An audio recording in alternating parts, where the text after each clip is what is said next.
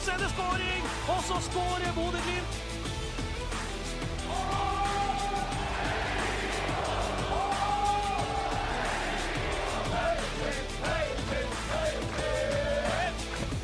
Riktig, riktig god dag og hjertelig velkommen til en eh, ny utgave av Studio Glimt-podden. Og nei, dere som dessverre venter, dere som venter på episoden med um, Jostein Gundersen, dere må vente litt til, helt til lørdag. I dag skal vi snakke om andre ting. Blant annet så skal vi nok opp til Tromsø igjen en tur til. Vi må snakke om uh, nyheter rundt Kjetil Knutsen og hans kontrakt. Vi skal snakke spillerlogistikk, og ikke minst skal vi snakke om torsdagens kamp mot Sarpsborg 08. Vi må innom Glimt-kvinnene òg, som eh, gjør det bra i oppkjøringen til sin første sesong. Dagens panel, Trond Olsen, velkommen. Takk for det. Og Freddy Thorsen, velkommen. Hei, hei.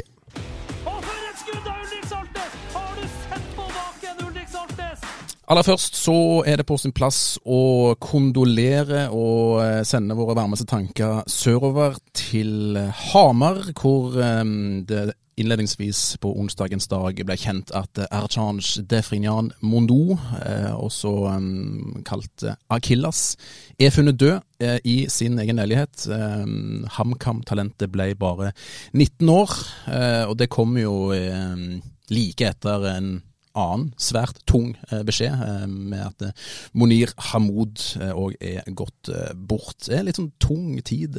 Trond legger liksom et sånn mørkt og ekkelt teppe over en sesongoppkjøring?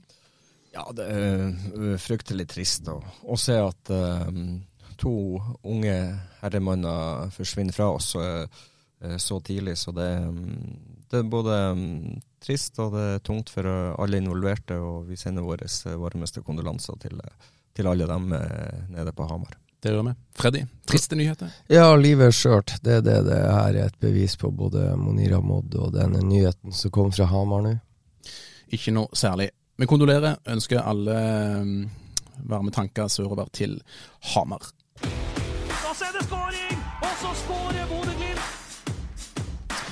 Nesten ingen eh, Studio Glimt-pod uten å komme innom eh, Tromsø. Kanskje ikke så heldig det, Freddy, eller vi må vel kanskje opp dit i dag òg. Eh, For eh, på lørdag så ble det kjent Eh, professor på Universitetet i Tromsø, Kjell Arne Røvik, eh, gikk knallhardt ut mot eh, Bodø-Glimt, som han mener ødelegger for Tromsø IL.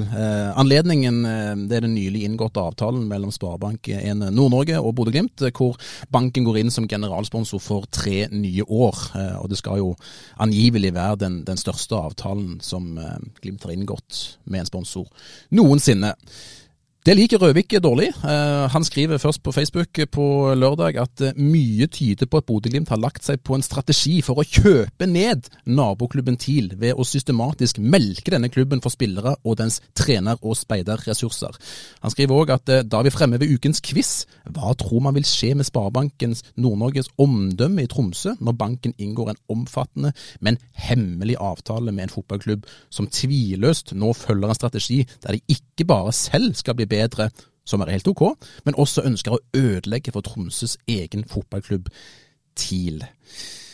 Tja, Freddy, hvor skal, man, eh, hvor skal man begynne? Vi har vært innom det her litt tidligere eh, med de påstandene om at Glimt har en bevisst strategi om å ødelegge for Tromsø. Men hvordan reagerer du når du ser disse kommentarene fra Røvik?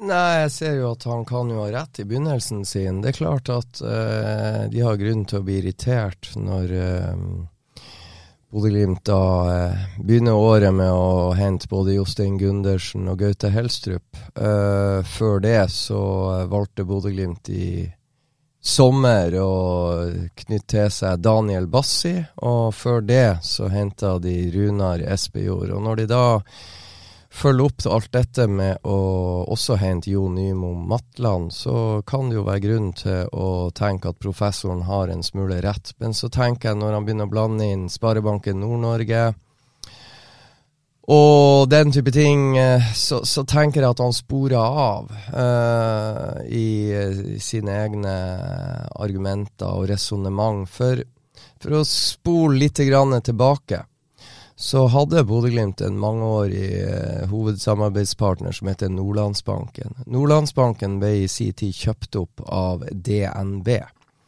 Og ble etter hvert, eh, så det oppkjøpet gikk seg til, så ble jo Nordlandsbanken og merkevaren der, som vi i Bodø var like stolt av som tromsøværingene var av Sparebanken Nord-Norge så, så ble jo Nordlandsbanken radert ut av kartet. Og det Sparebanken Nord-Norge i Tromsø gjorde da, de tok jo en posisjon i Bodø by som for dem var viktig. Så fra 2012 så gikk de jo inn som hovedsponsor i Bodø-Glimt. Og det begynner å bli noen år siden, 2012. Så siden 2012 har eh, Sparebanken Nord-Norge vært generalsponsor i Bodø-Glimt, og de har vært samtidig generalsponsor i TIL. Så det at vreden begynner å vrenge seg oppe i Tromsø i 2024, når en avtale som har vart mellom partene i 12-13 år, og kanskje går inn i sitt 14., eller hvordan det blir, nå skal Jo, 12. Så, så, um, syns jeg det er litt sånn um, seint reagert på hoppkanten, for å si det sånn. For det der kunne de jo ha klaga på i Tromsø i mange, mange, mange mange år. Og så, så skulle jeg likt å visst Det som er vanlig med sånne avtaler, sett fra en enkel sportsjournalists ståsted i Bodø, så har jo jeg aldri fått vite hva avtalen mellom Sparebanken Nord-Norge og Bodø-Glimt Hvor stor er den? Hvor mye penger er det Bodø-Glimt får for å fly rundt på norske fotballbaner til å begynne med, da, med Sparebanken Nord-Norge sin logo på brystet. Og jeg vet heller ikke hva innholdet har vært i Tromsø idrettslag sin lignende avtale med den samme aktøren. Det vet vi ikke. Eh, for det pleier å være hemmelig. Det gjør det.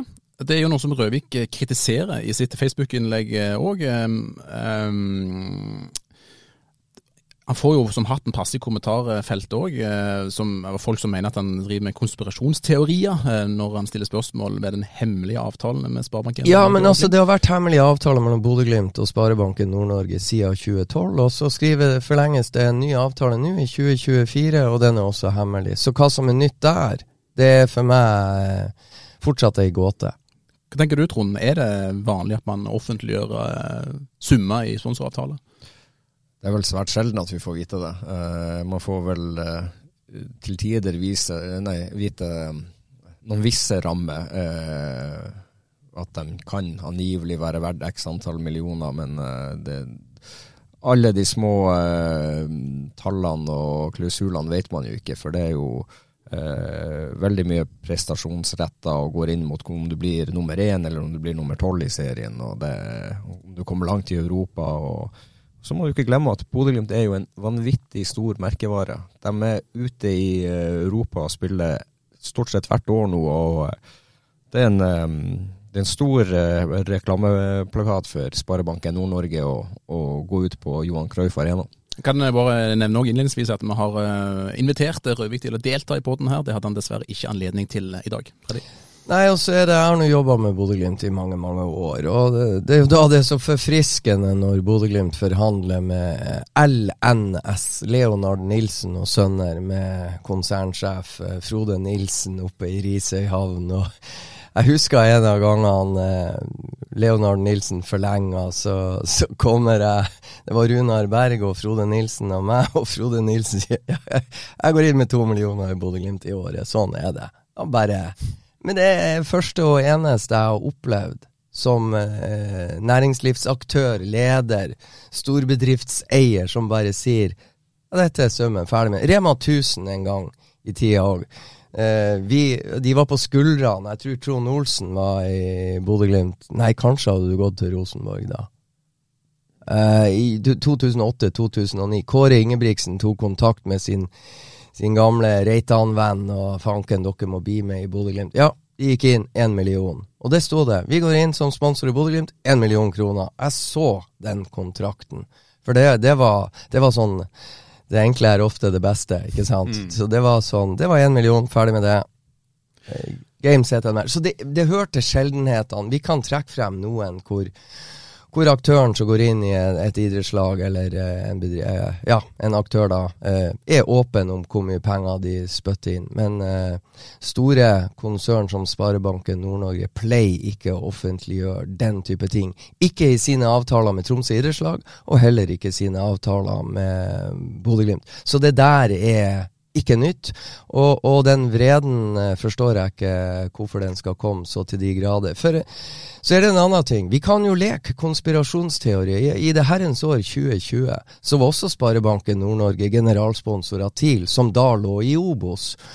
Og så var de også generalsponsor i Bodø-Glimt, som i 2020 sprengte alle rekorder i norsk fotball. Det er bare å gå inn på statistikken og se hva som skjedde i 2020, da Bodø-Glimt tok det første seriegullet til et nordnorsk lag. Jeg tror eierne i Sparebanken Nord-Norge syntes det var helt ok å sole seg litt i glansen. Altså, Norge var nedstengt, og det var ikke noe annet å gjøre enn å se fotball på TV.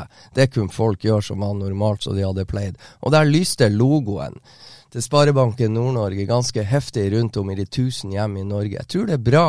Jeg tror de fikk bra valuta for pengene. Men så kan vi sitte her i Bodø og lure på Fikk TIL like mye betalt?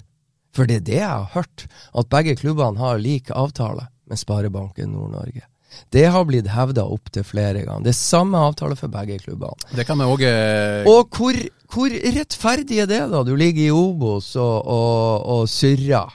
Og så får du like mye betalt som uh, laget som sprenger alle grenser i norsk fotball. Nei, come on.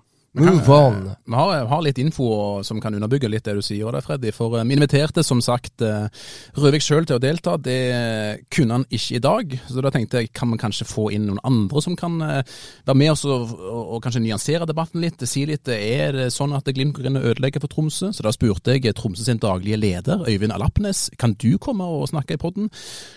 Det takker han høflig nei til. Eh, I en SMS så skriver han eh, til oss at eh, først at du sa at Røvik har ingenting med TIL å gjøre. Han er supporter, og hans uttalelser må stå for egen regning. Mine kommentarer som jeg ga til Nordlys er at vi tror avtalene mellom TIL og Glimt ikke er veldig ulike, samt at jeg opplever samarbeidet mellom TIL og SNN har blitt vesentlig bedre de siste årene. Så da tyder du kanskje, Trond, på at det ikke er så stor forskjell mellom avtalene. Nei, jeg tror ikke det er så, så stor forskjell i, i grunnavtalene. Og så er det kanskje uh, litt bonuspresta i forhold til uh, plassering og sånne ting. Men jeg tror Sparebanken Nord-Norge vil uh, både Tromsø og Bodø-Glimt godt. Og de vil at begge lagene skal, skal lykkes. Så um, jeg tror nok at de prøver å gjøre det beste mulig ut av begge samarbeid for at begge, begge lag skal ha fremgang både på, på banen og utenfor banen. Og så tenker jeg det er en ting de glemmer oppe i Tromsø. Det, det er klart at eh, Sparebanken Nord-Norge er ikke bare en tradisjonsrik bank fra Tromsø som holder til i ærverdige Rødbanken downtown i hjertet av perlen Tromsø. Så langt derifra. De har også en del ansatte og en del kundeforhold i Nordland fylke. Så Nord-Norge består av mer enn perlen oppe på Tromsøhalvøya. Om de vil det eller ikke. Og der er nok noen kunder og en del kundeforhold i lille Bodø som Sparebanken Nord-Norge fra sin base i Rødbanken ønsker å ivareta. Også andre steder i Nord-Norge, som er ganske stor. Det, det er tre store fylker eh, Nord-Norge består av. og så det tror jeg at, um, ja, at uh, tromsøværinga får å si opp uh, kundeforholdene sine med, med Sparebanken Nord-Norge fordi at de har oppdaga at de går inn i sitt tolvte år som generalsponsor med Bodø-Glimt. Ja, OK, you're lost, tenker jeg da. Jeg tenker Skal man shoppe bank, så skal man shoppe bank etter i forhold til hvilken rente du får osv. osv. Det er det som er viktig. Eh, så, så sier jeg bare lykke til der oppe. Men jeg gir han rett. Det kan jo, eh, det kan jo tendensere til å bli litt pinlig når Bodø-Glimt må hente Jo Nymo Matland etter at de har vært på tokt. Men så er det en annen ting. Eh, hvis ikke lojaliteten Øyvind Alapnes og gjengen oppe i Tromsø er sterk, bygger opp da på sin reise mot toppen, er sterkere enn at Jostein Gundersen og kontrakten med TIL går ut, faktisk finner ut at han har lyst til å spille for Bodø-Glimt. At Gaute Helstrup og klima med Tromsø. Altså, jeg nekter å tro at alt har vært rosenrødt der oppe når Gaute Helstrup da til slutt velger å eh, dra nordover, eller sørover til, til Bodø og jobbe med, med Kjetil Knutsen. Det kan være andre ting også, og ikke bare For Bodø-Glimt kan jo ikke diktere. Jostein Gundersen er en god stopper. Bodø-Glimt eh, legger ut Agne. Han er fri agent. De kan hente han gratis. Du er jo hjernedød hvis ikke du gjør et forsøk. Og når du mister en eh, kapasitet som Morten Kalvenes, hva kan vi hente ut av det her? Hva, hva kan gjøre oss bedre? Vi prøver Gaute Helstrup. Han har noe Kjetil Knutsen mangler. Han kan gjøre Kjetil Knutsen bedre. Han kan bidra og, og, og gjøre Bodø-Glimt bedre. Og så takker de ja! Mm. Men altså, har de ikke et poeng òg, da? Altså, um, de sier jo òg uh, altså, Røvik sier jo òg at Rett objektivt så ødelegger Glimt for TIL, og vi har hørt den kritikken i lang lang tid nå. Altså Hør nå, du, sier Helstrøp, Gundersen, eh, Espejord har fortid i TIL, Bassi har fortid i TIL, eh, Matland er henta fortid i TIL, eh, Mikkelsen-ryktene har blussa opp igjen, fortid i TIL. Erik Kitolano skulle de angivelig òg hente nå. Haugård vet vi er ønska, det er kanskje flere òg. Har de ikke et poeng òg? At eh, det kanskje kan se ut som at Glimt prøver å tappe TIL? De har et ressurser. poeng at det begynner å bli pinlig å sitte i Bodø, ja. Utdyp dem. Vi starter her eh, Ja, altså, etter, altså ett sted må jo grensa gå. Men å, men å eh, prøve seg på Jostein Gundersen, det er jo en no-brainer. Det å prøve seg på Gaute Helstrup, det er jo en no-brainer. Alle veier. Så er det én ting, Bodø-Glimt har ingen forpliktelser overfor TIL. Bodø-Glimt jobber for å bli en best mulig klubb. TIL jobber for å bli en best mulig klubb. Eh, Bodø-Glimt har ingen forpliktelser overfor TIL whatsoever, annet enn å prøve å ta tre poeng når de møtes i serien. Skjønner du, Trond, at de reagerer i Tromsø? Jeg har en viss forståelse for at de uh, reagerer, eller at de uh, hva skal jeg si, blir uh, litt blitt, bitter og, og provosert. Men igjen, det her er Bodø-Glimt, som er Norges beste fotballag per tiden. og alle som kommer hit, sier at det er et steg opp sportslig for dem.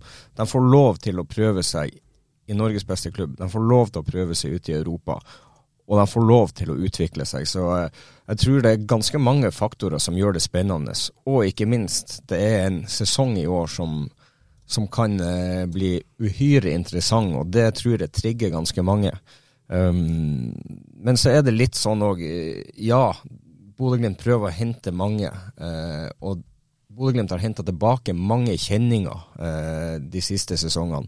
Skal Bodø-Glimt også da hente Gaute, og så skal Gaute hente alle sine eh, favoritter på en måte inn til Glimt? Det vet jeg ikke om eh, kanskje er den beste løsninga, eh, og bare skal ha dem du kjenner veldig godt. Jeg tror du må ha en miks der eh, for å få utvikla laget, og eh, ikke bare ha, ha, de gamle spillerne her. Ja, altså For å ta det det hele starta med, Runar Espejord, som på dette tidspunkt han ble Glimt-spiller, var eid av Heerenveen. Tromsø hadde ikke pengene til å hente han, og etter det jeg hører, så var Gaute Helstrup trener i Tromsø, ønska egentlig ikke å bruke penger på Runar Espejord. Bodø-Glimt har alltid likt Runar Espejord. Det er en spiller som ikke på en måte det, har, det var på denne tidspunkt, og er fortsatt noe uforløst over Runar Espejord. Bodø-Glimt hadde pengene, valgte å satse på Runar Espejord, og kjøp, kjøpte han fra Heerenveen. Noe Tromsø angivelig ikke ville, og ikke hadde råd til. Hvorfor legge vreden til Bodø-Glimt? Hvorfor ikke vred opp i Tromsø fordi at dere ikke kjøpte han, eller dere ikke var interessert av han? Det var da, etter det jeg hører, ingen i Tromsø som ville ha han.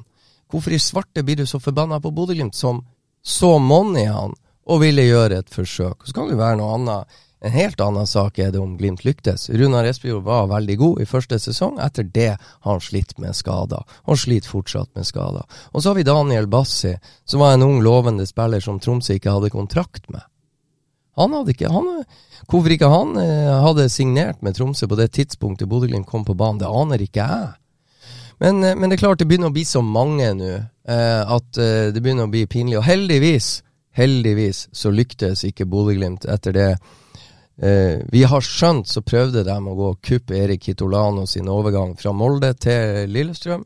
De ønska å gjøre et forsøk på å få lurt han til å ta turen til Aspmyra. Han er 26 år, jeg er veldig glad han havna på Åråsen og ikke på Aspmyra.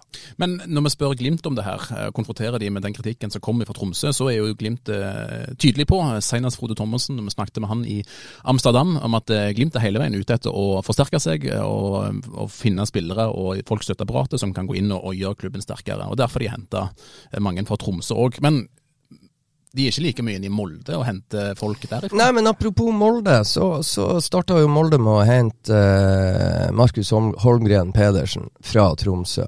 De fortsetter med å hente keeper Jakob Karlstrøm. De fortsetter med å hente Erik Kitolano. Så tror jeg det er en fjerde spiller jeg har glemt, som eh, Tromsø har henta. Kasper Øyvand, ja. Bodøværingen. Så der har du fire de har henta til i de siste årene, så er jo det en anerkjennelse for det som skjer oppe i Tromsø.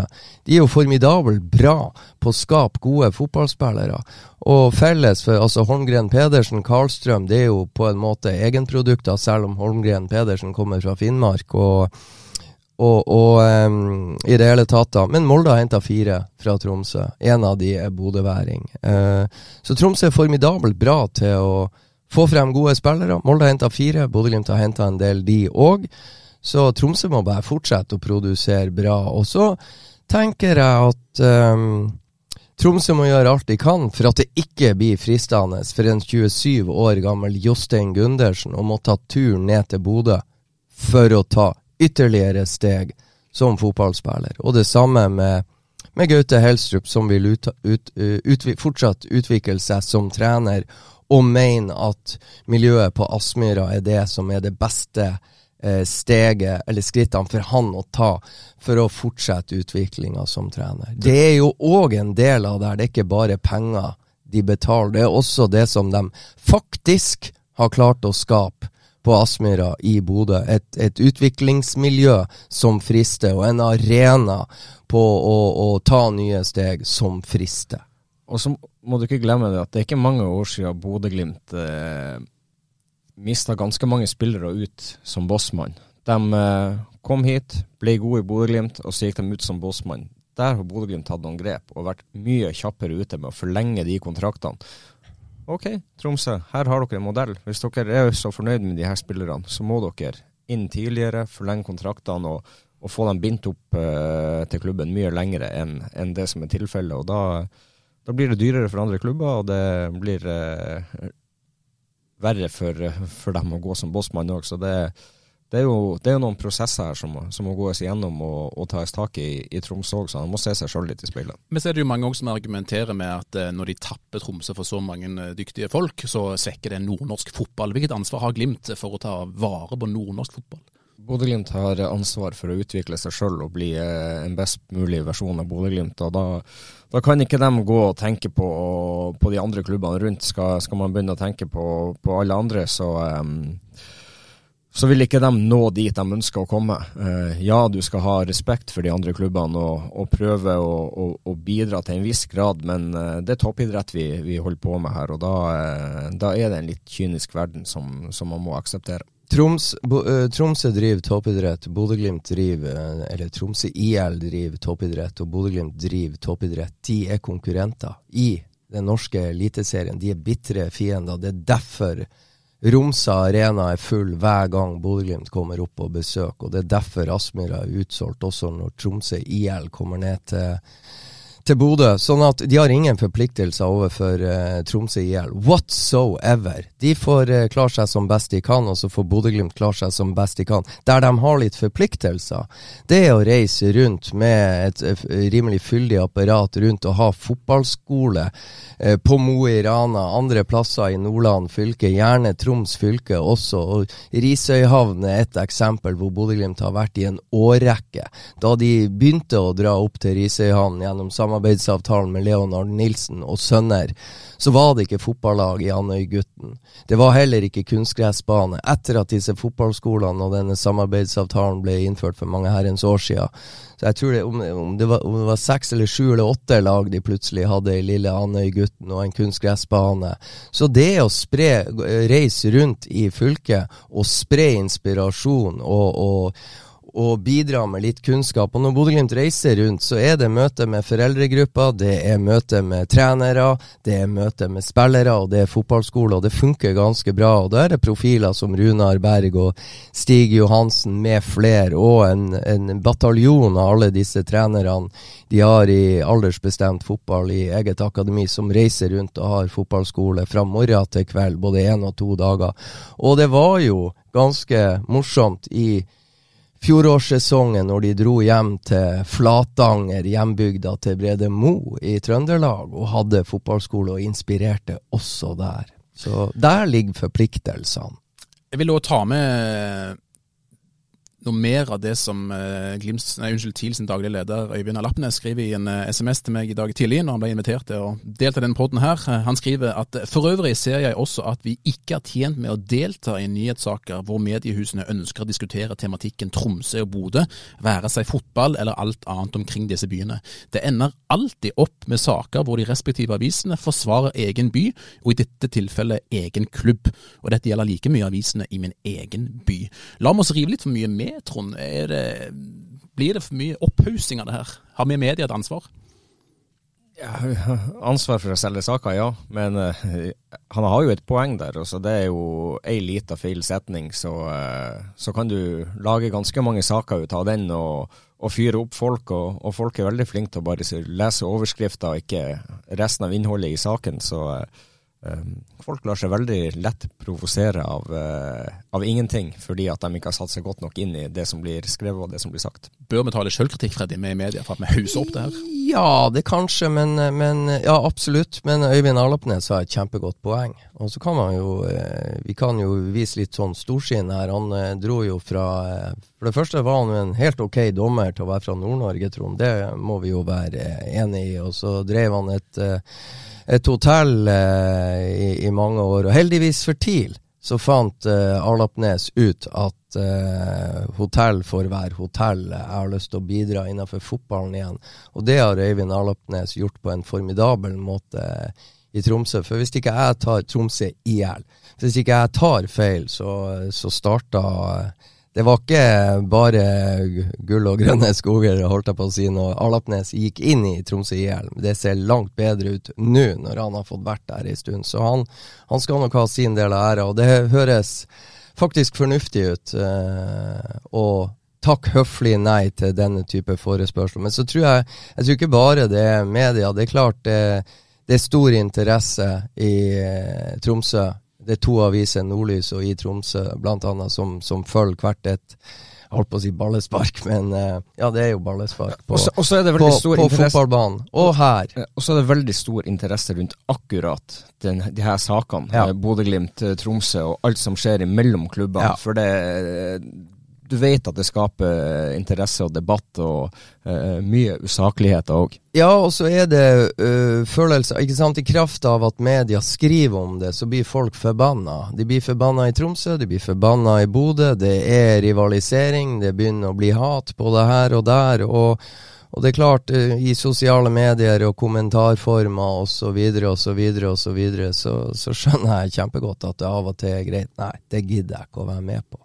Nå har vi brukt en halvtime av denne poden her på å snakke om Tromsø igjen. Eh, så tenker vi at det får være nok for denne gang, og så får vi iallfall tenke positivt på det. At det bygger iallfall opp mot et heidundrende 16. mai-oppgjør i år.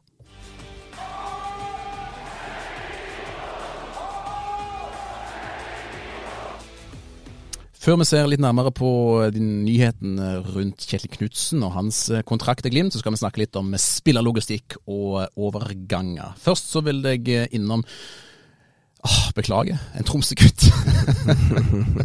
Vi skal til August uh, Mikkelsen, for uh, onsdag, unnskyld, tirsdag kunne Avisa Nordland uh, skrive en sitatsak såkalt fra Sverige, hvor Sportssjef i Hammarby, Mikael Hjelmberg, sier at de kommer til å gjøre endringer i troppen sin. Eh, det skal visstnok ikke være et form av salg av eh, August Mikkelsen, eh, men nå har jo akkurat Hammarby spilt en cupkamp òg, hvor Mikkelsen ikke var en del av troppen i det hele tatt. Og vi vet at Glimt har Tromsø-gutten i kikkerten.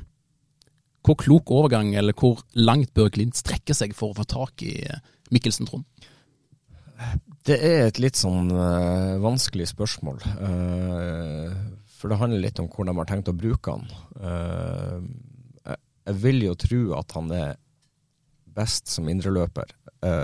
men du kan bruke han som kant. På, på en litt sånn måte som uh, Bodø-Glimt brukte Filip Sinkernagel. omskolere han og få han til å være en litt mer sånn type kant som, som Filip var. og La han få den friheten til å, til å blomstre der. For um, jeg tror det blir veldig tøft å komme seg inn på, på midtbanen og, og, være innløper med, med både Håkon Nevjen, uh, Albert Grønbæk og en Sondre Fet som var i meget godt slag før han um, ble skada. Så uh, det, er en, um, det er en tøff midtbane å komme inn på. Så uh, er, det en, er det en god spiller som som Bodø-Glimt eh, bør prøve å, å få kloa i hvis de har sjanse. Eh, men hvor de skal bruke han, er, er, det, er, det, store spørsmålet. På en skala fra én til ti, Freddy, hvor én er helt usannsynlig og ti er veldig sannsynlig, hvor sterk er troen er du på at August Mikkelsen spiller for Glimt i 2024? La oss begynne med det vi vet. Ingen tvil. Bodø-Glimt har lagt inn et bud. Bodø-Glimt ønska han. De ønska han også før han forlot uh, Tromsø IL og dro til Hammarby for borti 15 millioner. August Mikkelsen hadde en tøff første sesong i Sverige. Ble ikke det Hammarby ønska. Uh, var mye skada. I etterkant av debutsesongen til eh, teknikeren eh, nordfra, så eh, har jo Hammarby bytta trener. Eh, de ønsker å satse på August Mikkelsen. Han er skadefri. Spilte for Hammarby mot Bodø-Glimt i Spania, skåra et flott mål. Ble også pansertakla av Jostein Gundersen underveis i samme kamp. Nå eh, vet jeg at ryktene tok av. Det var en cupkamp for Hammarby. De vant årets første kamp da. Eh, August Mikkelsen var ikke i troppen pga. noe muskulært, ikke pga. at han satt på et fly på vei nordover til Bodø for å bli Glimt-spiller, som mange i Sverige, og, og kanskje også i Bodø, trodde. Men eh, det blir spennende å se, da. Eh, Glimt vil ha han. Spørsmålet er hvilken pris krever Hamarby? Det er det ene. Kan de bli enige?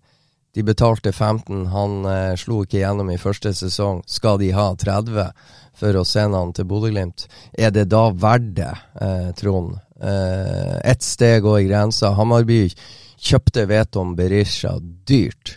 Var eh, katastrofe i Hamarby og solgte han for dobbel pris nærmest til Molde, fordi at de visste at Molde var eh, i panikk og måtte ha spiss, ikke sant. Så Hamarby er krevende å eh, forhandle med, og en helt annen ting. Det jeg skulle ha likt å visst svaret, vil August Mikkelsen til Bodø? Det er jeg ikke like sikker på, egentlig. Vi prøvde vel å få han i tale òg når vi var i Spania og møtte han der. Han var vel ikke særlig snakkesalig om akkurat det her da heller? Nei, da var det nå det at man istedenfor å gå rett bort på gutten og spørre, eh, prøvde medieavdelinga til Hammarby, som eh, så lenge vi prata om musikk og Roffe Wikstrøm var interessert i å kommunisere med oss, eh, men når det kom en henvendelse om vi kunne få et intervju med August Mikkelsen, så, så hørte vi ingenting. Nei. Nei. Vi fikk ikke svar engang. Nei.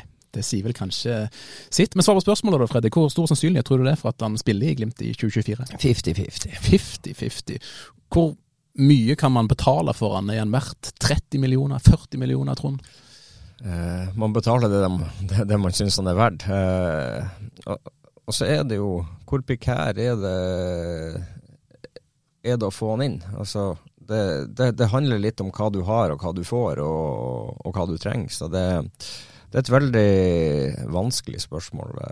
Utvilsomt en veldig god fotballspiller, men, um, men hvor han skal inn og, og, og, det. Så akkurat nå så ser jeg bare på han som, som en høyrekant, da, da, må han løse den på sin måte, da, i tilfelle. Og man har jo etterlyst en ny høyrekant i denne podden her. Kan han passe inn der, Freddy? Ja, det er det. Jeg har aldri sett han spille høyreving. Eh, så, så, jeg syns uh, Bodø-Glimt balanserer litt grann hår, hårfint her nå. De eh, valgte å gå all in i, i sist sommer på Tobias Gulliksen, 19 år. Eh, storspilte mot Bodø-Glimt for Strømsgodset på Marienlyst. De betalte dyrt, og de klarte, å, de klarte ikke å få han til å ta nye steg i Bodø, og de sender han videre med tap til Djurgården fordi at han ønsker mer spilletid. Så jeg føler ikke de har råd til så veldig mange sånne overganger i 30-millionersklassen, for så å sende dem videre etter sju måneder og erkjenne vi fikk ikke dette til. Så eh, August Mikkelsen er en sånn der type spiller som passer aller, aller best i et fotballag som spiller et annet system enn det Bodø-Glimt gjør. Og det var jo en av grunnene til at Albert Grønbæk tar turen fra AGF Aarhus til Bodø-Glimt fordi at han har identifisert at Bodø-Glimt spiller en type fotball som gjør at jeg kan ta steg som spiller på en helt annen måte enn å bli i AGF Aarhus. Så her er det eh, kvaliteter til spiller eh, og, og matcher opp mot den spillestilen laget du eventuelt skal gå til spillet. Og så er det jo eventuelt om Bodø-Glimt da tenker at det her skal være en erstatter på, på sikt for Albert Grønbæk. Og det er jo et spørsmål om uh, August Mikkelsen har tid til å uh, være en backup og har lyst til å sitte på benken til eventuelt den dagen Albert blir solgt. Og skal du betale mellom 20 og 30 mil for en spiller som er backup? Det er jo det som uh, Det er greit, det er mye penger, mer penger enn vi tror på Aspmyra, men jeg tror ikke den pengebingen er utømmelig, for å si det sånn. Så de er nødt til å treffe, de er nødt til å være presise. Vi vet de var innom Erik Kitolano der har jeg forstått at eh, det, helt, det, var helt andre summer ute og gikk eh, for å eventuelt få han til Bodø. Men hvor, mye, hvor mange indreløpere skal de ha, egentlig? Det begynner å bli ganske mange? Ja, det begynner å bli mange, men så må vi gå på trening og se. Bodø-Glimt må nå det, det, er en liten måned til, til seriestart. Det er en, altså, tida går fort. Og de må ha Sidad Sjoli og Daniel Berntsen fra Junkeren for å trene med de. Så ja, det er mange under kontrakt. Tre er lånt ut. Seks-sju er skada. Skada er en del av fotballen. Altså, vi kan ta skadene. Omar El Abdelaue er skada. Nikita Haikin er skada. Julian Faye Lund er skada. Runar Espejord er skada. Sondre Brunstad Fet er skada. Gode rapporter på han for øvrig. Det var nå fem. Eh, Kasper Høeg har ikke spilt fotball siden 28. juli.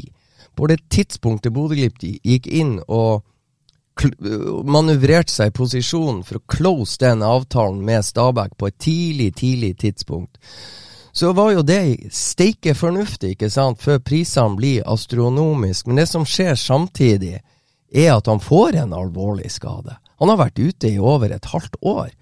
Som jeg sier, siste kamp Molde 28.07. Nå skal han forhåpentligvis vise seg frem i helgult for første gang på torsdag mot Sarpsborg 08 i Lillestrømhallen. Og da var det seks skada spillere når vi tar med Kasper Høeg, og jeg tror det er noen jeg har glemt. Sånn at i indreløperrollen så har de er de steike godt besatt. De har på høyre, for å ta det, da, eh, Sondre Brunstad Fet og Håkon Evin. Og på venstre har de Albert Grønbæk, Fredrik Sjøvold, Ulrik Saltnes. Ulrik Saltnes kan også spille høyre indreløper. Så men skader er en del av fotballen, og du kan ikke ta høyde og hensyn til absolutt alt. De hadde, de hadde fem midtstoppere, nå har de fire. Eh, hva da, hvis det plutselig er to midtstoppere som blir skada? Ja, det har de to. Ikke sant? Odin Ajax-kampen, Odin Bjørtuf sto over med karantene, og dagen etter Isak Helstad Amundsen til, til Molde. Ikke sant? Hadde de Glimt gått videre, så er det tre midtstoppere. Men, men der, der, er du faktisk inne på en ting eh, som jeg litt sånn stusser på oppi alt det her. Eh, I i Ajax-kampen hjemme her så vet du at Isak skal bli solgt. Og det er han som kommer inn. Og så har du Marius Lode som sitter på benken. Hvor langt unna er han da? Eller en Tobias Gulliksen som du også vet eh, skal bli solgt dagen etter, eller samme kveld. Han kommer også inn. Så det er jo liksom, det er jo noen signaler du sender der til, til de spillerne som, som, er i troppen. Ja, og, og, der er du inne på noe som er forunderlig. Altså, Bodø-Glimt møter Ajax, og eh, de, når Jostein Gundersen ikke er klar mer, så setter de inn en spiller som er på vei på flyet til Molde.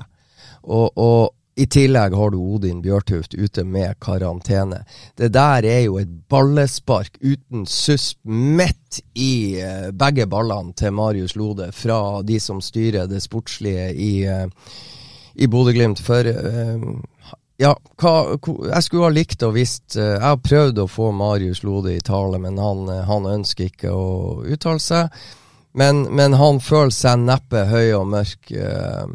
Og en annen ting kan man si, hvis kampbildet hadde vært sånn at du trengte en at du trengte en duellsterk eh, hodespesialist inne i feltet når Ajax driver og lemper på. Det her var jo en kamp hvor Bodø-Glimt sto og pøsa på angrepsmessig, hvor det handler om frispilling og forbi ledd. og Sist gang de her to, Marius Lode og Isak Helstad Amundsen, spilte kamp, det var mot Sparta Praha. Da er det Marius Lode som kommer inn i andre omgang som midtstopper, mens Isak Helstad Amundsen må vente til det 60. minutt og overta plassen til Patrick Berg sentralt på midtbanen. Siden da har de ikke vært på banen, annet enn i kamp, nei, annet enn på trening når de setter to elvere mot hverandre. Så nei, Marius Lode har det neppe. Han gleda seg helt sikkert. Eh, Hans fru hadde termin på tirsdag. Jeg tror ikke det har skjedd noe enda, men heldigvis det, det positive som skjer i Marius Lode sitt eh, liv, er at han skal bli pappa for første gang, sammen med Vilde ganske snart. Um, fotballmessig så tenker jeg han lurer like mye som oss, egentlig. Ja, og det gjelder jo også for uh, la oss si en Daniel Bassi òg, når du ser at uh, Tobias Gulliksen er den som, som Ja. kommer inn når du vet at han er solgt. Det, Ja. er, det er noen signaler der som, som du sender til de guttene som, som ikke får spille, og som er og skal være i troppen og kjempe om en plass. De, de får seg en ganske grei knekk ut av det. Eh, det er ikke noen god følelse å sitte på benken og se at å ja, han kommer inn, han drar i morgen eller i ferd i kveld. Han, det er han som skal Ja, akkurat, ja. Her er, her er min posisjon. Ja, det er ikke veldig tillitvekkende, og jeg håper at uh, det er noen uh, samtaler hvor, hvor både Bassi og eventuelt Lode får en forklaring på hvorfor eh, man velger som man gjør, osv., så, videre, og så, videre. så skal vi respektere at det er konkurransesituasjoner. det skal være tøff å være en del av uh, det de ønsker å bygge på Aspmyra. Men uh, her er det mange spørsmål uh, å stille, faktisk. Ja, og, og det er helt rett, som du sier. Det skal være en konkurransesituasjon. Men hvor er konkurransesituasjonen når det er dem som blir solgt, som kommer inn?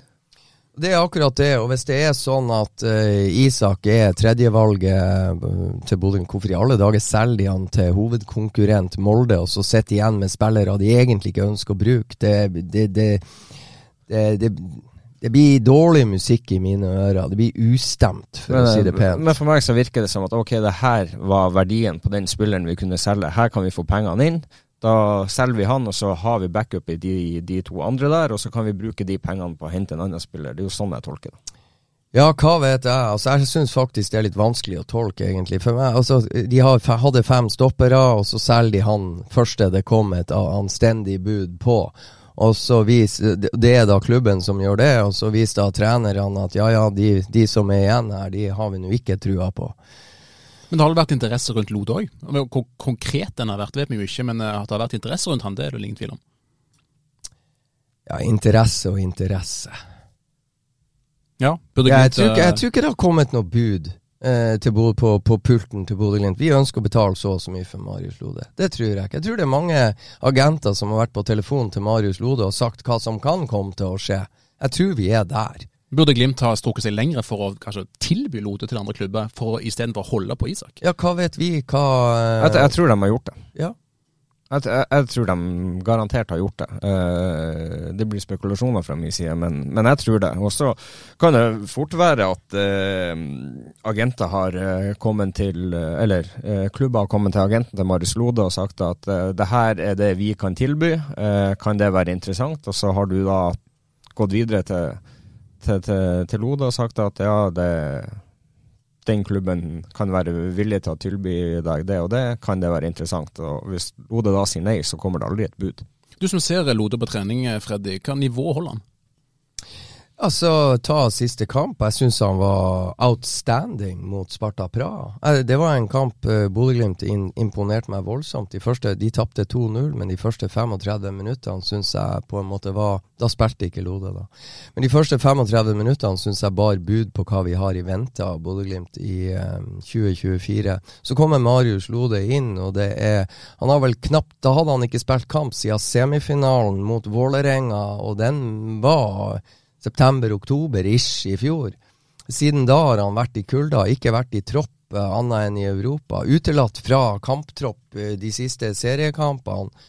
Så det han fikk vist i de 45 minuttene som han fikk mot Sparta Praha, syns jeg med det bakteppet var sensasjonelt bra. Og en av grunnene til at han fikk spille Kjetil Knutsen sto jo på i mix-zone med Avisa Nordland og, og skraut av Marius Lode for måten han har stått i dritten, han har vært positiv i gruppa, osv., osv. Og hvis vi skal holde ord for det vi har sagt, altså prestasjonene på trening skal danne grunnlag for det du får gjøre i kamp, så mente da Kjetil Knutsen at nå var det på tide for Marius Lode å få sjansen mot Sparta Praha. Den sjansen fikk han. Jeg syns han ga gode svar til trenerne. Eh, derfor måtte Isak Helstad Amundsen ofres og hentes inn på sentral midtbaneplass, sånn at Patrick Berg fikk hvile den siste halvtimen i den kampen. Og eh, siden da har vi ikke sett Marius Lode i kamp, eh, annet enn når de matcher seg på trening 11 mot 11. Og Hva nivå holder han da? Er han så dårlig at han ikke Nei, han er ikke så dårlig. Men eh, Nei, på ingen måte. Nei. Men så, så er det ikke sant Siste vi fikk se Altså, siste treningen eh, i Spania før eh, kampene mot Ajax eh, Altså, Malmö FF-kampen skulle de jo matche inn elveren, den tiltenkte elveren som skal spille mot Ajax. Og så etterpå det så begynner jo Albert Grønbæk, Bris Wembangomo og enkelte, Nino Sugelj Da begynner på en måte folk å kjenne det trøkket de har stått i. Og så kommer treningen hvor Bodø-Glimt for å spille 11 mot 11 må hente inn to Brann-juniorer og Marius Lode spiller sentral midtbane på det ene laget. Det er vanskeligere Syns Marius Lode klarte seg helt ok som sentral midtbane på det ene laget som skulle fingere å være Ajax eh, mot de antatte elleve som, som skulle spille. Så man så Lode i andre roller i sluttfasen av treningsoppholdet til Bodø-Glimt i Spania. Alt dreide seg om å være god til Ajax borte på Johan Cruyff Arena. Og da var det en del nøkkelspillere som ikke var involvert i dette storbanespillet, for å optimalisere føttene deres til det som skulle skje på Johan Cruyff Arena. Derfor fikk jeg ikke sett Marius Lode som ren midtstopper like mye som jeg hadde sett frem til da. Og så lenge han spilte midtstopper, klarte han seg helt ok. Vi har eh, snakket om det en del tidligere òg i andre episoder, nemlig salget av Helst Amundsen og Gulliksen. Eh, nå er det i bekrefta at eh, Helst Amundsen eh, blir Molde-spiller, og Gulliksen er dratt til Djurgården. Hva tenker du om det, Freddy? Altså, Helste Amundsen, jeg vet ikke om kan kalle han et Eller er han et Glimt-produkt? Ble henta opp hit da han var, var 16? Nei, han eh, flytta til Bodø når han var ferdig med videregående i Brønnøysund og hadde spilt. Han er self-made man som eh, flytter til Bodø for å bli bedre. Ringer sjøl til Glimt 2 og lurer på om jeg kan få lov å trene med dere. Og første høst så oppdaga Kjetil Knutsen han på eh, andrelaget til Bodø-Glimt. og eh, begynte å invitere han den høsten til ei og anna trening med A-laget. De treningene klarte han seg bra på, så um, Og nå er det jo veldig mange supportere som river seg i håret og ikke skjønner den overgangen her. Kan du forstå overgangen, Trond? Uh, jeg skjønner den ikke ved at Glimt velger å selge han. Jeg skjønner at Isak vil uh, til en klubb der han uh, forespeiler mye mer spilletid. Eh, så for Isak sin del så, så skjønner jeg at han, han, er nødt til å se etter noe der han eh, tror at han kan få mer spilletid. Um, han er kan jeg 24, og, Ja. ja, så, så alderen begynner jo å komme i, i, i, en, i en sånn alder der han må spille eh, regelmessig og, og jevnlig for å ta, ta de store stegene for å bli eh, så god som jeg tror han kan bli. Eh, så for Bodø-Glimt så syns jeg det er tap. Eh, jeg syns det er en eh, overgang jeg skjønner lite ut av. Uh, Betyr det at du mener han burde starte kamp, eller burde han vært en backup i Glimt? Nei, jeg, jeg, jeg, jeg syns han er så spennende at han burde ha starta kamper. Og Hvem skal han ta ut, da?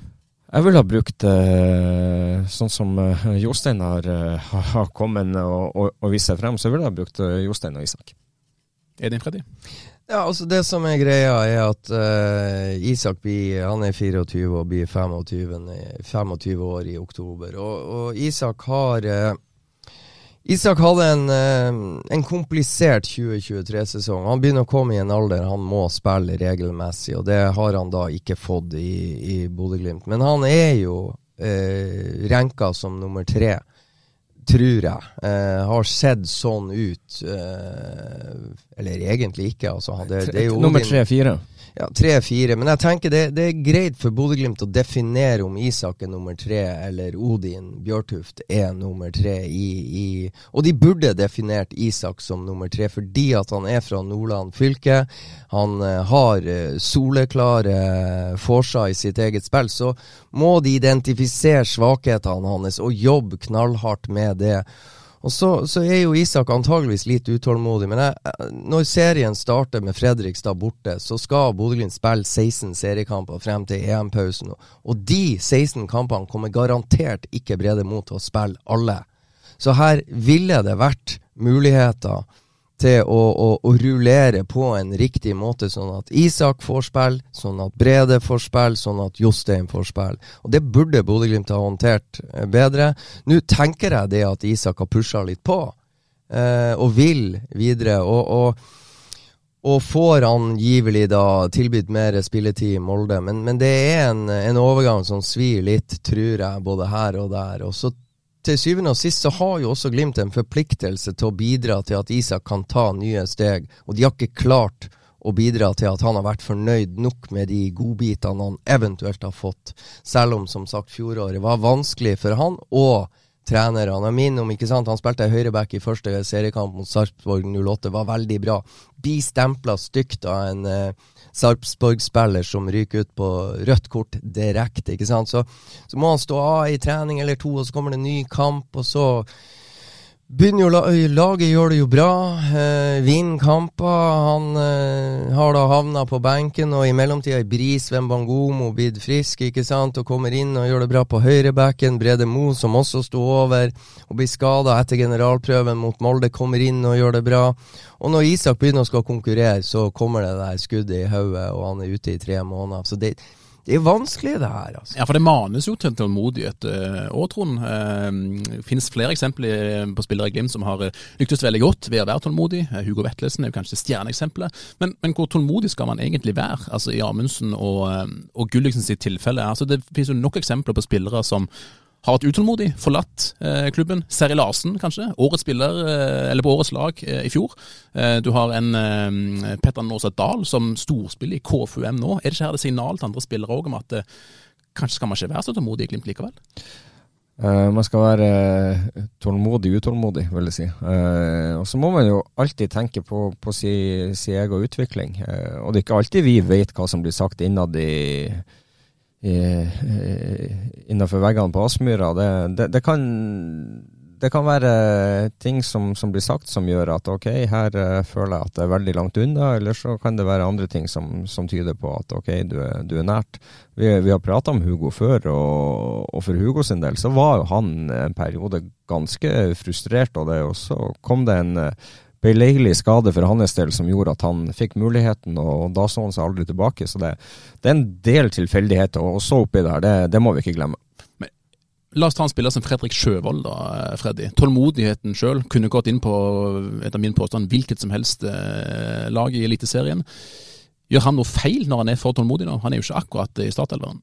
Nei, men eh, Fredrik Sjøvold fikk jo tross alt noen godbiter i løpet av 2023. Han er ung, han spilte Han fikk flere innhopp, han fikk stort sett innhopp eh, hver gang Glimt eh, spilte, så, så eh, Fredrik Sjøvold tror jeg er på en bra plass. Jeg tror også Fredrik Sjøvold ser at han tar steg eh, hver bidige trening. Og, og så eh, vil det vise seg da hvor tilfeldighet han vil ha det til at eh, Fredrik Sjøvold klinker seg inn i en, eh, en elver. Så du, du, skal være tålmodig og utålmodig. Det er jo det som, som er nøkkelen. For å ta Petter Nåsa Dahl. Ja, han, han har ei målgivende og han har ei scoring for KFUM. Men jeg vil minne om Bodø-Glimt signerte Petter Nåsa Dahl fra KFUM foran forrige sesong. Petter Nåsa Dahl brukte første halvåret av forrige sesong til å spille seg ut av Obos-elveren til KFUM. Han var benkesliter da han endelig kom nordover. Etter at året før så var han fast. Det er en ung spiller. Det, det går i røkk og napp. Og vi så Petter Nåsa Dahl tok steg i Spania. Men han spilte mot eh, en omgang mot Red Bull Salzburg. Han spilte en omgang mot Hamarby. Han spilte mot eh, jeg husker ikke om han spilte mot Sparta Praha, men, eh, men han eh, Det var kanskje den kampen han ikke spilte. Det var da ryktet om KFUM, et utlån, begynte å gå. Så, så ikke haus han opp. Han tok steg, men han, han, måtte bruke et halvår på å reparere egne feil, som han har gjort i KFUM i første halvdel av fjorårssesongen. For han tok ikke veldig godt vare på det å ha signert for Bodø-Glimt. Ble kanskje litt høy og mørk glemte å gjøre og legge ned og investere det han skal gjøre på trening med KFUM, og havna på benken. Dette må repareres, dette tar tid. Det er ikke lett å komme det utgangspunktet opp til troppen som vant seriegull i 2023, selv om Bodø-Glimt sag seg sjøl i biter. Så, men ehm, nei, det, det, det er vanskelig, og, og, men jeg og så er det forskjell på, på Isak og, og Sjøvold. Isak er 24, Sjøvold er 20 det, det, er ganske mange år i forskjell på, på både utvikling og, og tålmodighet der eh, i forhold til når du må spille og eh, Ja. Så det Du må ikke glemme aldersaspektet alder, oppi det. Nei, og så, så, er det ikke sant Nå skal ikke jeg foregripe givenhetenes gang. Brisveen Bangomo forlenger med Bodø-Glimt, men Brisveen Bangomo begynner også å eh, dra litt på årene, og kanskje Kanskje kommer eh, Bris en som drømmer om et utenlandsopphold som kanskje nærmer seg etter 2024-sesongen, og da er jo bordet dekka for høyreback Fredrik Sjøvold, og skjer det, så tror ikke jeg han angrer på at han i 2025 er høyrebacken til Bodø-Glimt, og at han sto i læringskurven eh, på Aspmyra enn så lenge. Og han fikk som sagt eh, diverse godbiter underveis i fjorårssesongen. Han fikk starte en og annen kamp. Han kom inn i de aller, aller fleste, så eh. Og så kan han komme inn i flere posisjoner. Ja.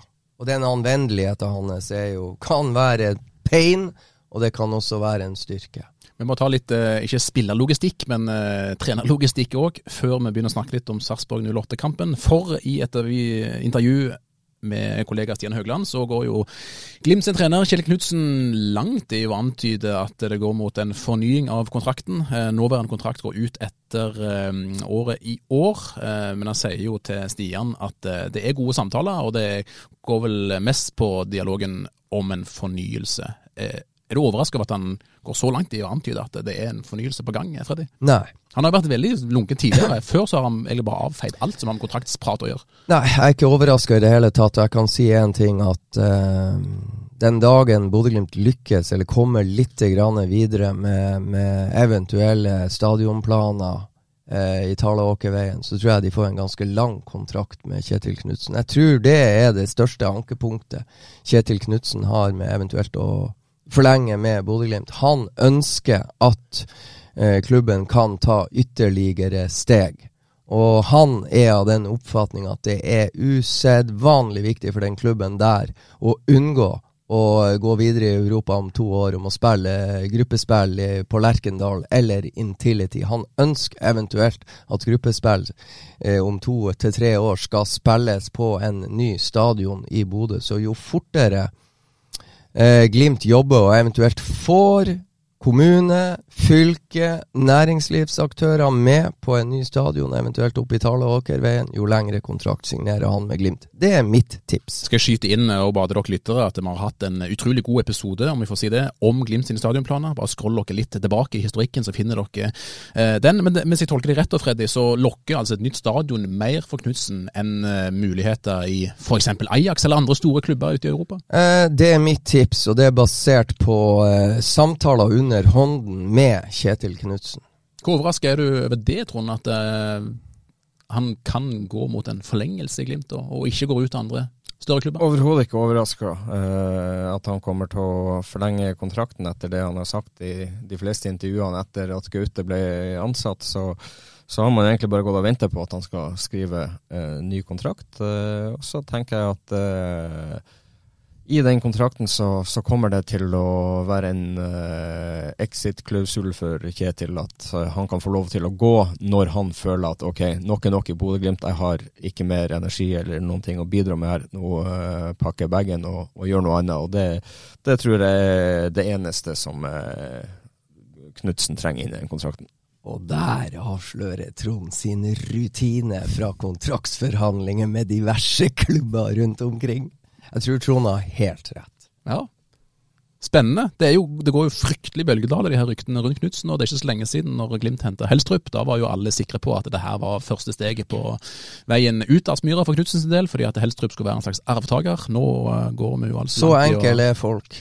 Så enkle er folk. Jo da, men, men, samtidig så var det jo, var det, jo at uh, Kjetil har jo vet vi jo har en drøm om å komme inn i Champions League. Og, og, og, muligheten hans er veldig stor i år, så han vet jo da ok, hvis jeg lykkes nå, så vil jeg være med videre på den reisen. Hvis ikke, så kan det jo være at ok, vi klarte det ikke i år, eh, jeg har en mulighet til å gå ut av kontrakten og, og prøve noe annet. Så, så det, jeg tror nok at den der uh, muligheten for å gå ut av ting uh, skal ligge åpen for han hvis om og når han vil. Jeg hører veldig mange mene det, at Knutsen har så utrolig lyst på det Champions League-gruppespillet. Eh, vet vi det, Freddy, eller er det bare noe som vi sitter og mener og syns rundt? Nei, jeg tror vi er ganske presis på det. presis på det. det. det. er fascinerende. Altså, Kjetil Knutsen sier jo ikke ting rett ut, men med å være litt sånn der tett på, så skjønner man diverse ting. Og er det én ting man skjønner, så er det jo at det tapet mot Dinamo Zagreb har irritert Kjetil Knutsen fra det, fra det skjedde de var så nært, ikke sant? Så nært det store. Og jeg tror jo lengre Kjetil Knutsen og hans vinnermentalitet beveger seg vekk fra det tapet, jo mer irriterer det, og jo mer blir begjæret om å ta lille Bodø-Glimt inn i det store selskapet. Og, og, det er klart at uh, han leder jo da en klubb som er i stand til å hente hjem en fan-favorite og en coach-favorite i Håkon Evjen, som forlot norsk fotball som årets spiller i 2019. Sølv til Bodø-Glimt, og nå får de han tilbake. Jaggu får han ikke tilbake en av eh, fartsfantomene på venstrevingen fra Bodø i 2020-sesongen. ikke sant? Var med, Jens Petter Hauge var med og sikra seriegullet når han ante at seriegullet var i boks og Glimt klarte seg uten hans hjelp. Så for han videre til San Siro og AC Milan. ikke sant? 50 mil på konto til Bodø-Glimt. Så, så, og han er også tilbake, så det er klart Kjetil Knutsen eh, trener nå en klubb som har litt andre muligheter enn den klubben Kjetil Knutsen kom til.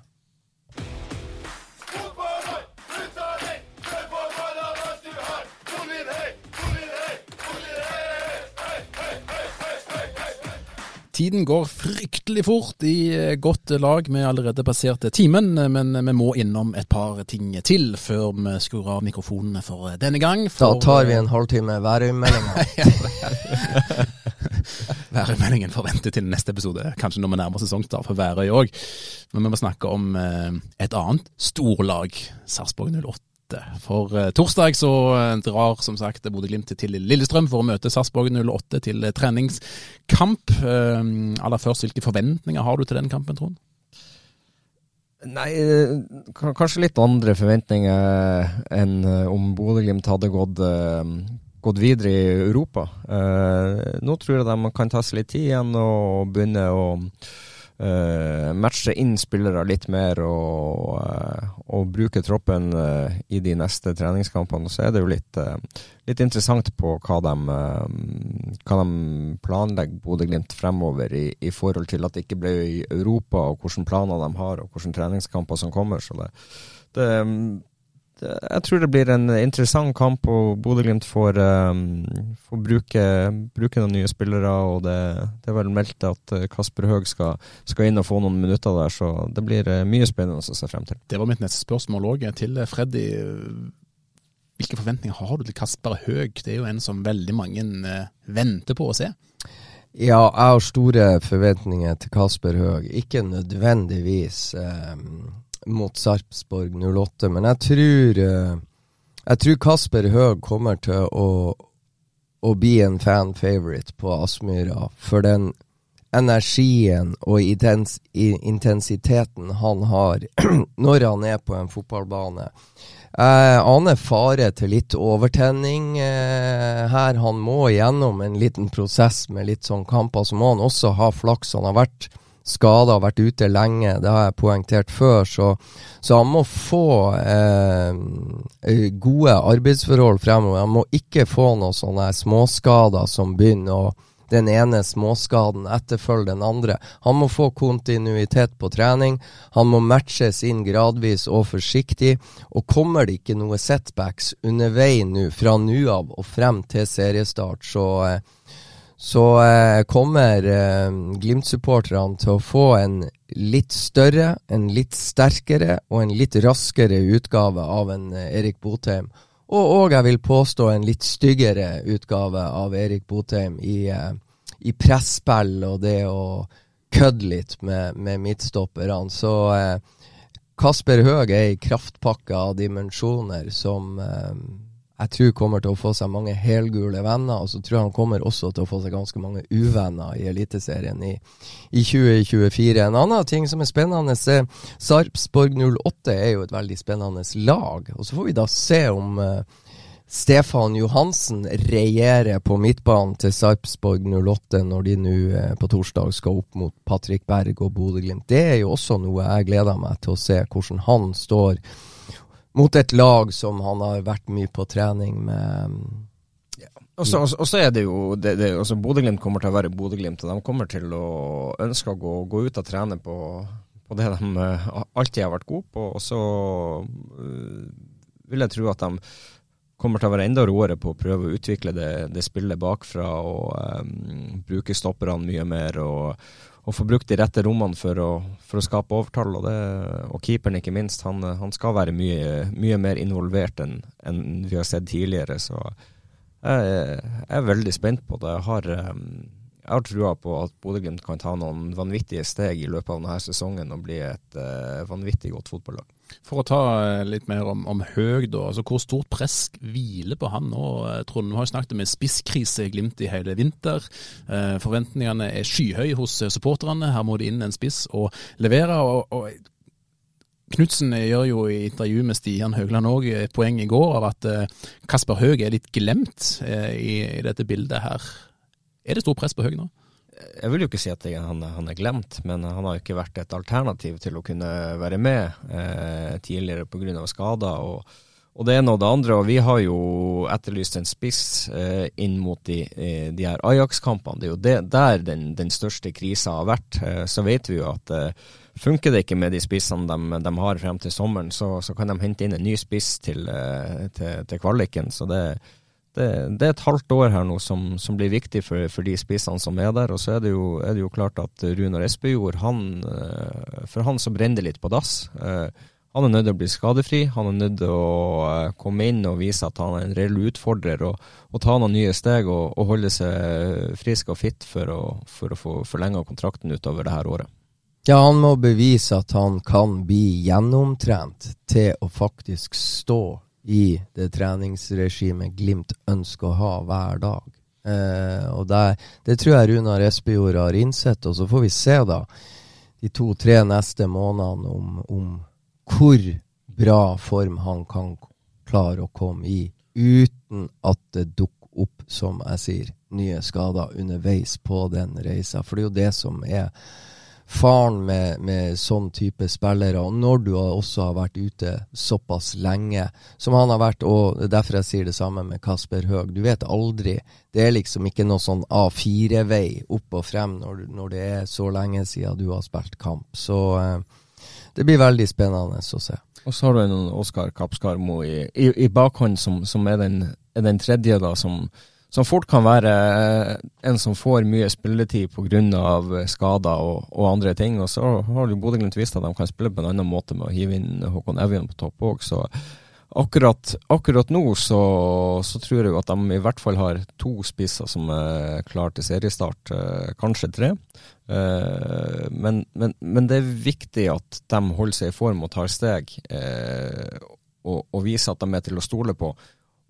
Skjer ikke det, så er nesten 100% sikker på at det kommer inn en ny spiss til sommeren. Og så jeg, jeg, nevnte det sikkert i en eller annen pod, men det, det er Sarpsborg 08 de skal møte. Og det var, det var, litt sånn morsomt å sitte i Spania og se treningskampen eh, Bodø-Glimt hadde mot Malmö FF. For da, da ble vi jo sittende eh, uten at de helt var klar over det. Men, men, det kom jo en delegasjon fra Sarpsborg 08 med en del kjente fotballspillere. De har, de har en del gode gode spillere i den troppen sin, bl.a. Jo Inge Berge, som, som, som da har spilt mange år i Malmö FF. Han tok med seg Sarp-guttene for å se på sin gamle klubb. og Det var ikke Jo Inge Berge som sa følgende, men det var en ganske kjent norsk spiller som satt bak oss. og Når Glimt gikk opp til, til 2-0 ganske tidlig i første omgang, så bare konkluderte han helt tørt til sine lagkamerater. Ja ja, det er vel ingen tvil om hvem som tar seriegull i 2024.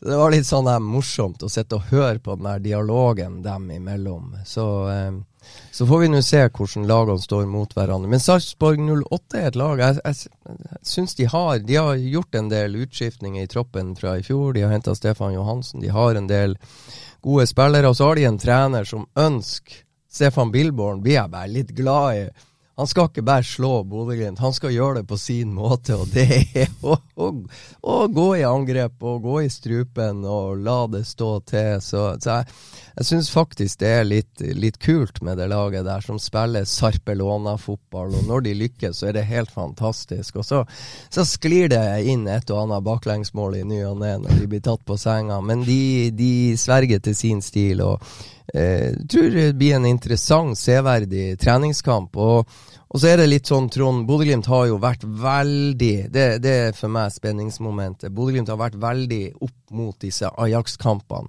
Nå må de jo restarte litt, og skuffelsen er sikkert fortsatt i guttene. Så det er jo da første kamp på vei mot seriestart, så det er litt sånn usikkert hvor vi har de egentlig. Ja da, det, det er det, men heldigvis er det jo nå bare en, en liten, en litt stor måned til, til, til seriestart. Uh, og vet du, vet du, jeg er så, jeg, jeg så forvirra i eget hode. Så etter Ajax så har jeg gått og tenkt å herregud, mars og april, det er to måneder til seriestart. Plutselig så snakker jeg med Lyngen Karnes store sønn, så sier han Freddy, vi er snart i mars. Og da Mars er like rundt hjørnet. Da er det bare én måned til seriestart. Jeg fikk sjokk! Det er jo helt sant! Ja, det er bare én måned! Men, du, du, du, du sier at Sarpsborg også har lyst til å, å være seg sjøl, og det, og det syns jeg er litt kult med flere lag. Brann prøver å være seg sjøl, eh, Molde er seg sjøl, eh, og eh, kanskje tar litt mer hensyn til motstanderne. Men at flere lag, eh, Tromsø ikke, ikke minst, var, var, veldig flinke i fjor til å, å prøve å være seg sjøl og tøff og, og spille seg ut bakfra. Jeg liker at det er flere lag som har latt seg inspirere av å prøve å finne sin, sin måte å spille fotball på og, og, ta steg og være tro mot det. Eh, det tror jeg har, eh, vil gange norsk fotball og vil gi utvikling. og kan gi um, gode resultater på sikt. Men for å ta Det da, det er én måned til seriestart, men per nå så er det kun to treningskamper som er klare for Glimt. Det er Sarpsborg 08 torsdag, og så er det Molde uken før. Eh, sa jeg noe feil? Nei, Nei jeg, helt, jeg, skulle til å si helt korrekt. ja. skulle jeg si. Når Freddy setter blikk i deg med at du kanskje har gjort noe galt, da, da er det liksom ingen tvil. Men nå har jeg ingen feil. Det, var, det er Sarpsborg 08 torsdag, og så er det Molde uken før uh, seriestart. Er det noe mer i emning der, Freddy? Blir det flere treningskamper i imellom? Jeg hørte et lite rykte om at det gikk en mail fra Bodø-Glimt om Tromsø hadde lyst til å spille treningskamp. Der kom Tromsø igjen? Der kom, der kom et, et, enkelt svar. Nei. Nei. Det, det, det, det er så iskaldt svart. Har dere lyst til å spille kamp mot oss? Nei. Nei. Bare, det er jo jævlig bra! Da synd de ikke sa nope. Det er jo. Det er jo jævlig bra. Ja. Og så går det Nå vet jeg ikke, det her Det går rykter om at, eh, at det er sendt en mail til, til Trondheim og Rosenborg også. og det det sies at det har ikke vært så lett å få svar der. Okay. Så uten at jeg vet. Men, men, men Glimt har ei, ei, ei utfordring i akkurat det her. For, for, de fleste lagene har på en måte Og det, det, er ikke bare sånn litt søt erting fra Tromsø. Har dere lyst til å spille treningskamp? Nei.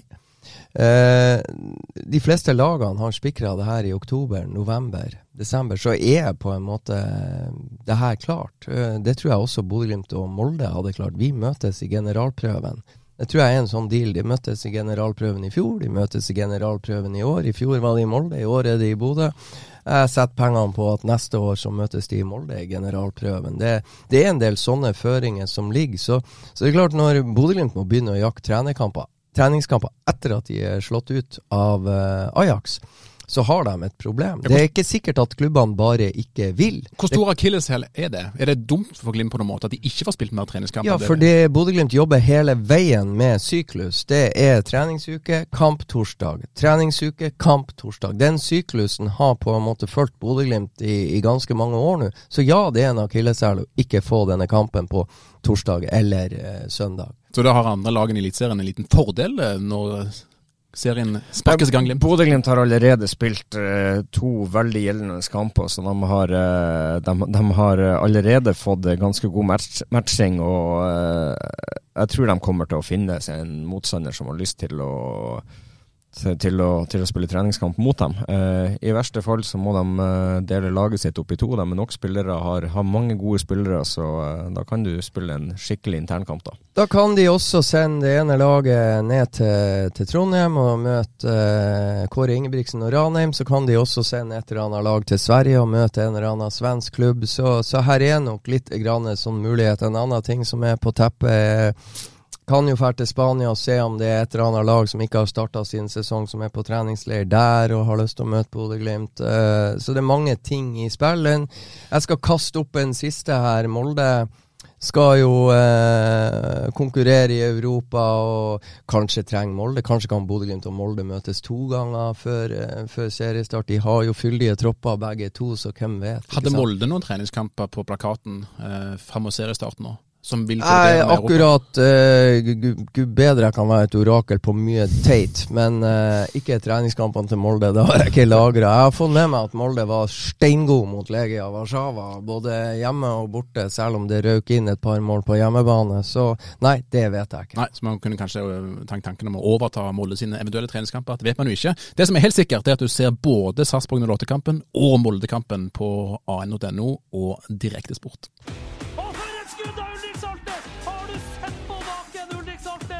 Før vi runder av, så er det på sin plass å nevne Glimt sitt eh, kvinnelag, som eh, om eh, kort tid går i gang med historiens første sesong.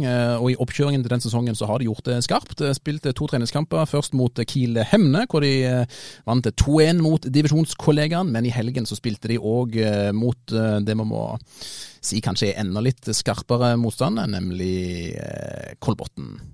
Der ble det òg 2-1-seier. Det virker lovende, Freddy? Ja, sterkt og artig. Det var vel noen bilder fra tribunen, jeg tror det er stadion til Grorud, med et tyvetalls uh, Glimt i sør-tilhengere som fulgte benytta sjansen første gang de hadde den til å se Bodø-Glimt damelag i aksjon. Og det å vinne 2-1 over eh, et toppserielag er sterkt, og det er jo et Kolbotn-lag som jeg mener Gran eh, i fjor slo i en treningskamp i Nordlandshallen, og så tror jeg de fikk litt uh, mer trøbbel med Kolbotn i serien, og Kolbotn røkka opp. Og uh, det at uh, de allerede nå kan reise sørover med den reisebelastninga og vinne 2-1, det er sterkt. Ingen tvil om det. Hvor uh, kommer tilbake med, med, mer stoff uh, fra Glimt sitt kvinnelag òg. Vi skal ha en egen Glimt-spesial der, eller kvinnespesial. Men hvor, hvor, er forventningene dine, Trond, til debutsesongen? Jeg forventer jo at de kommer til å være et lag som har veldig fokus på, på mye av det samme som Bodø-Glimt her. prestasjon og utvikling, og at de tar steg, og at de blir et lag å, å regne med. Så um, vi får håpe at de, uh, de tar uh, mange fine steg i løpet av året og, og blir et uh, godt kvinnelag. Og så er det jo noen artige poenger med damelaget til Bodø-Glimt. Lillesøster Tale Hauge, ikke sant, har en Hun var forresten den første fra Bodø kvinner som ble tatt ut på et landslag. Ikke sant? Og eh, har jo da to storebrødre. En heter Runar Hauge, og han andre heter Jens Petter Hauge. Så kommer da Tale Hauge. Det er vel ei søster Skjeldrup Kjeldrup òg inni her? Ja da, vent. Resonnementet er ikke ferdig. Du har eh, Trond Olsen, mener jeg spilte en del kamper med en eh, illsint finnmarking på lag. Vegard Sandnes, ikke sant. Dattera til Vegard Sandnes, Amie Sandnes, er med. Dattera til Stian Teting er å spille. Dattera til Runar Berge er med på laget. Og storesøster til Andreas Schjelderup er med og ble matchvinner mot Kolbotn. Så her er noen kjente fotballnavn ute og gå sånn for å begynne å sette seg inn i. Og så er det kommet noen spennende utlendinger. Noe dansk og en forrykende keeper. Så det skjer ting, og det blir spennende. Det blir veldig spennende. Det er jo masse eksempler på eh, klubber som har eh, oppretta kvinnelag, eh, og som, som gjør det skarpt. Og interessen blir jo deretter òg. Det blir veldig mye mer interesse rundt kvinnefotball, og det trenger vi. Det er det som er så spennende å se. Hva vil det si? Det var jo ei menighet som var og så Gran sitt damelag sine kamper i Nordlandshallen. Nå får vi se hvor eh, voksende interessen blir eh, for Bodø-Glimt sitt damelag. skal bli veldig spennende å se. Er det noe annet spennende vi bør nevne, gutter, før vi takker for oss? Hvordan går det med ryggen, Trond? Nei da, den, eh, den henger nå på. Jeg var, jeg, jeg, var- jeg var og spilte treningskamp i helga, og det, det, det ble tungt i, i ryggen. Så eh, nå står jeg nå her igjen. Skal få lagt ut et bilde på Twitter, tenker jeg, av eh, Trond. Men du har jo Ja, du må legge ut Twitter-bilde av Trond Olsen med verdens kuleste treningsjakke på seg akkurat nå. Retro de luxe. Det er Du vet, Karnes, det, det, det er hjemplassen min og, og barndomsklubben min som eh, som eh, står mitt hjerte nært. og eh, Det var litt artig når jeg var hjemme i jula for et par-tre år siden. Så, så fant jeg denne jakken hengende. Rota på gutterommet og fant Nei, den? nei, den var ikke på gutterommet. Den, her er fra, den jakka her er fra 70-tallet. og det, det er etter min eh, avdøde onkel som, som jeg fant den, og eh, den var så kul at jeg var, var nødt til å ta den i bruk. Vi skal få lagt ut bilde både Ja. av uh, Det, art, det, det artigste her er at Freddy sikler på den. Ja, Han har så lyst på den. Den er fanken meg så tøff at ja, Freddy har ei skål under seg her som har fanga opp sykkelen. Det ser helt ja, ja, den er dritstilig, altså. Jeg tror du må sende mamma på gårdene hjemme i Karnes og se om hun finner ei til. Altså, da er det bare å legge den ut på eBay, og så klinker vi til, for den der er stilig, Trond. Det er Vi skal få lagt ut bilde på Twitter både av jakken til Trond og Trond sin positur eh, med sin eh, sterke rygg. Er det noen andre bilder vi bør legge ut, eh, Freddy, eller holder det for nå? Ja, jeg bare lurte på hvor det gikk i den der treningskampen, hvor ryggen gikk til helsike. Jeg ble 1-1 mot Meløy. Og du skåra begge. Nesten. I hvert fall ene. Det er er råsterkt. Husk eh, Sarpsborg 08 mot Bodø-Glimt på ANNO Direktesport torsdag klokken eh, 15.00. Vi er tilbake neste uke med ny pod, og ikke minst så må du få med deg podden med Jostein Gundersen eh, førstkommende lørdag. Der blir det mye spennende å høre på. Takk for følget, ha en fin dag.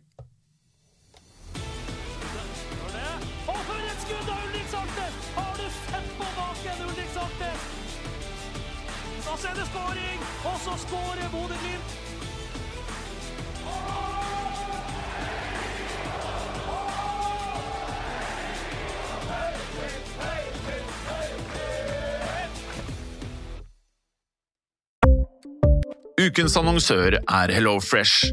HelloFresh er verdens ledende matkasseleverandør og kan være redningen i en travel hverdag. Mange av oss har nok vandret i butikken både sultne og uten en plan for middagen, som ender med at vi går for de samme kjedelige rettene gang på gang.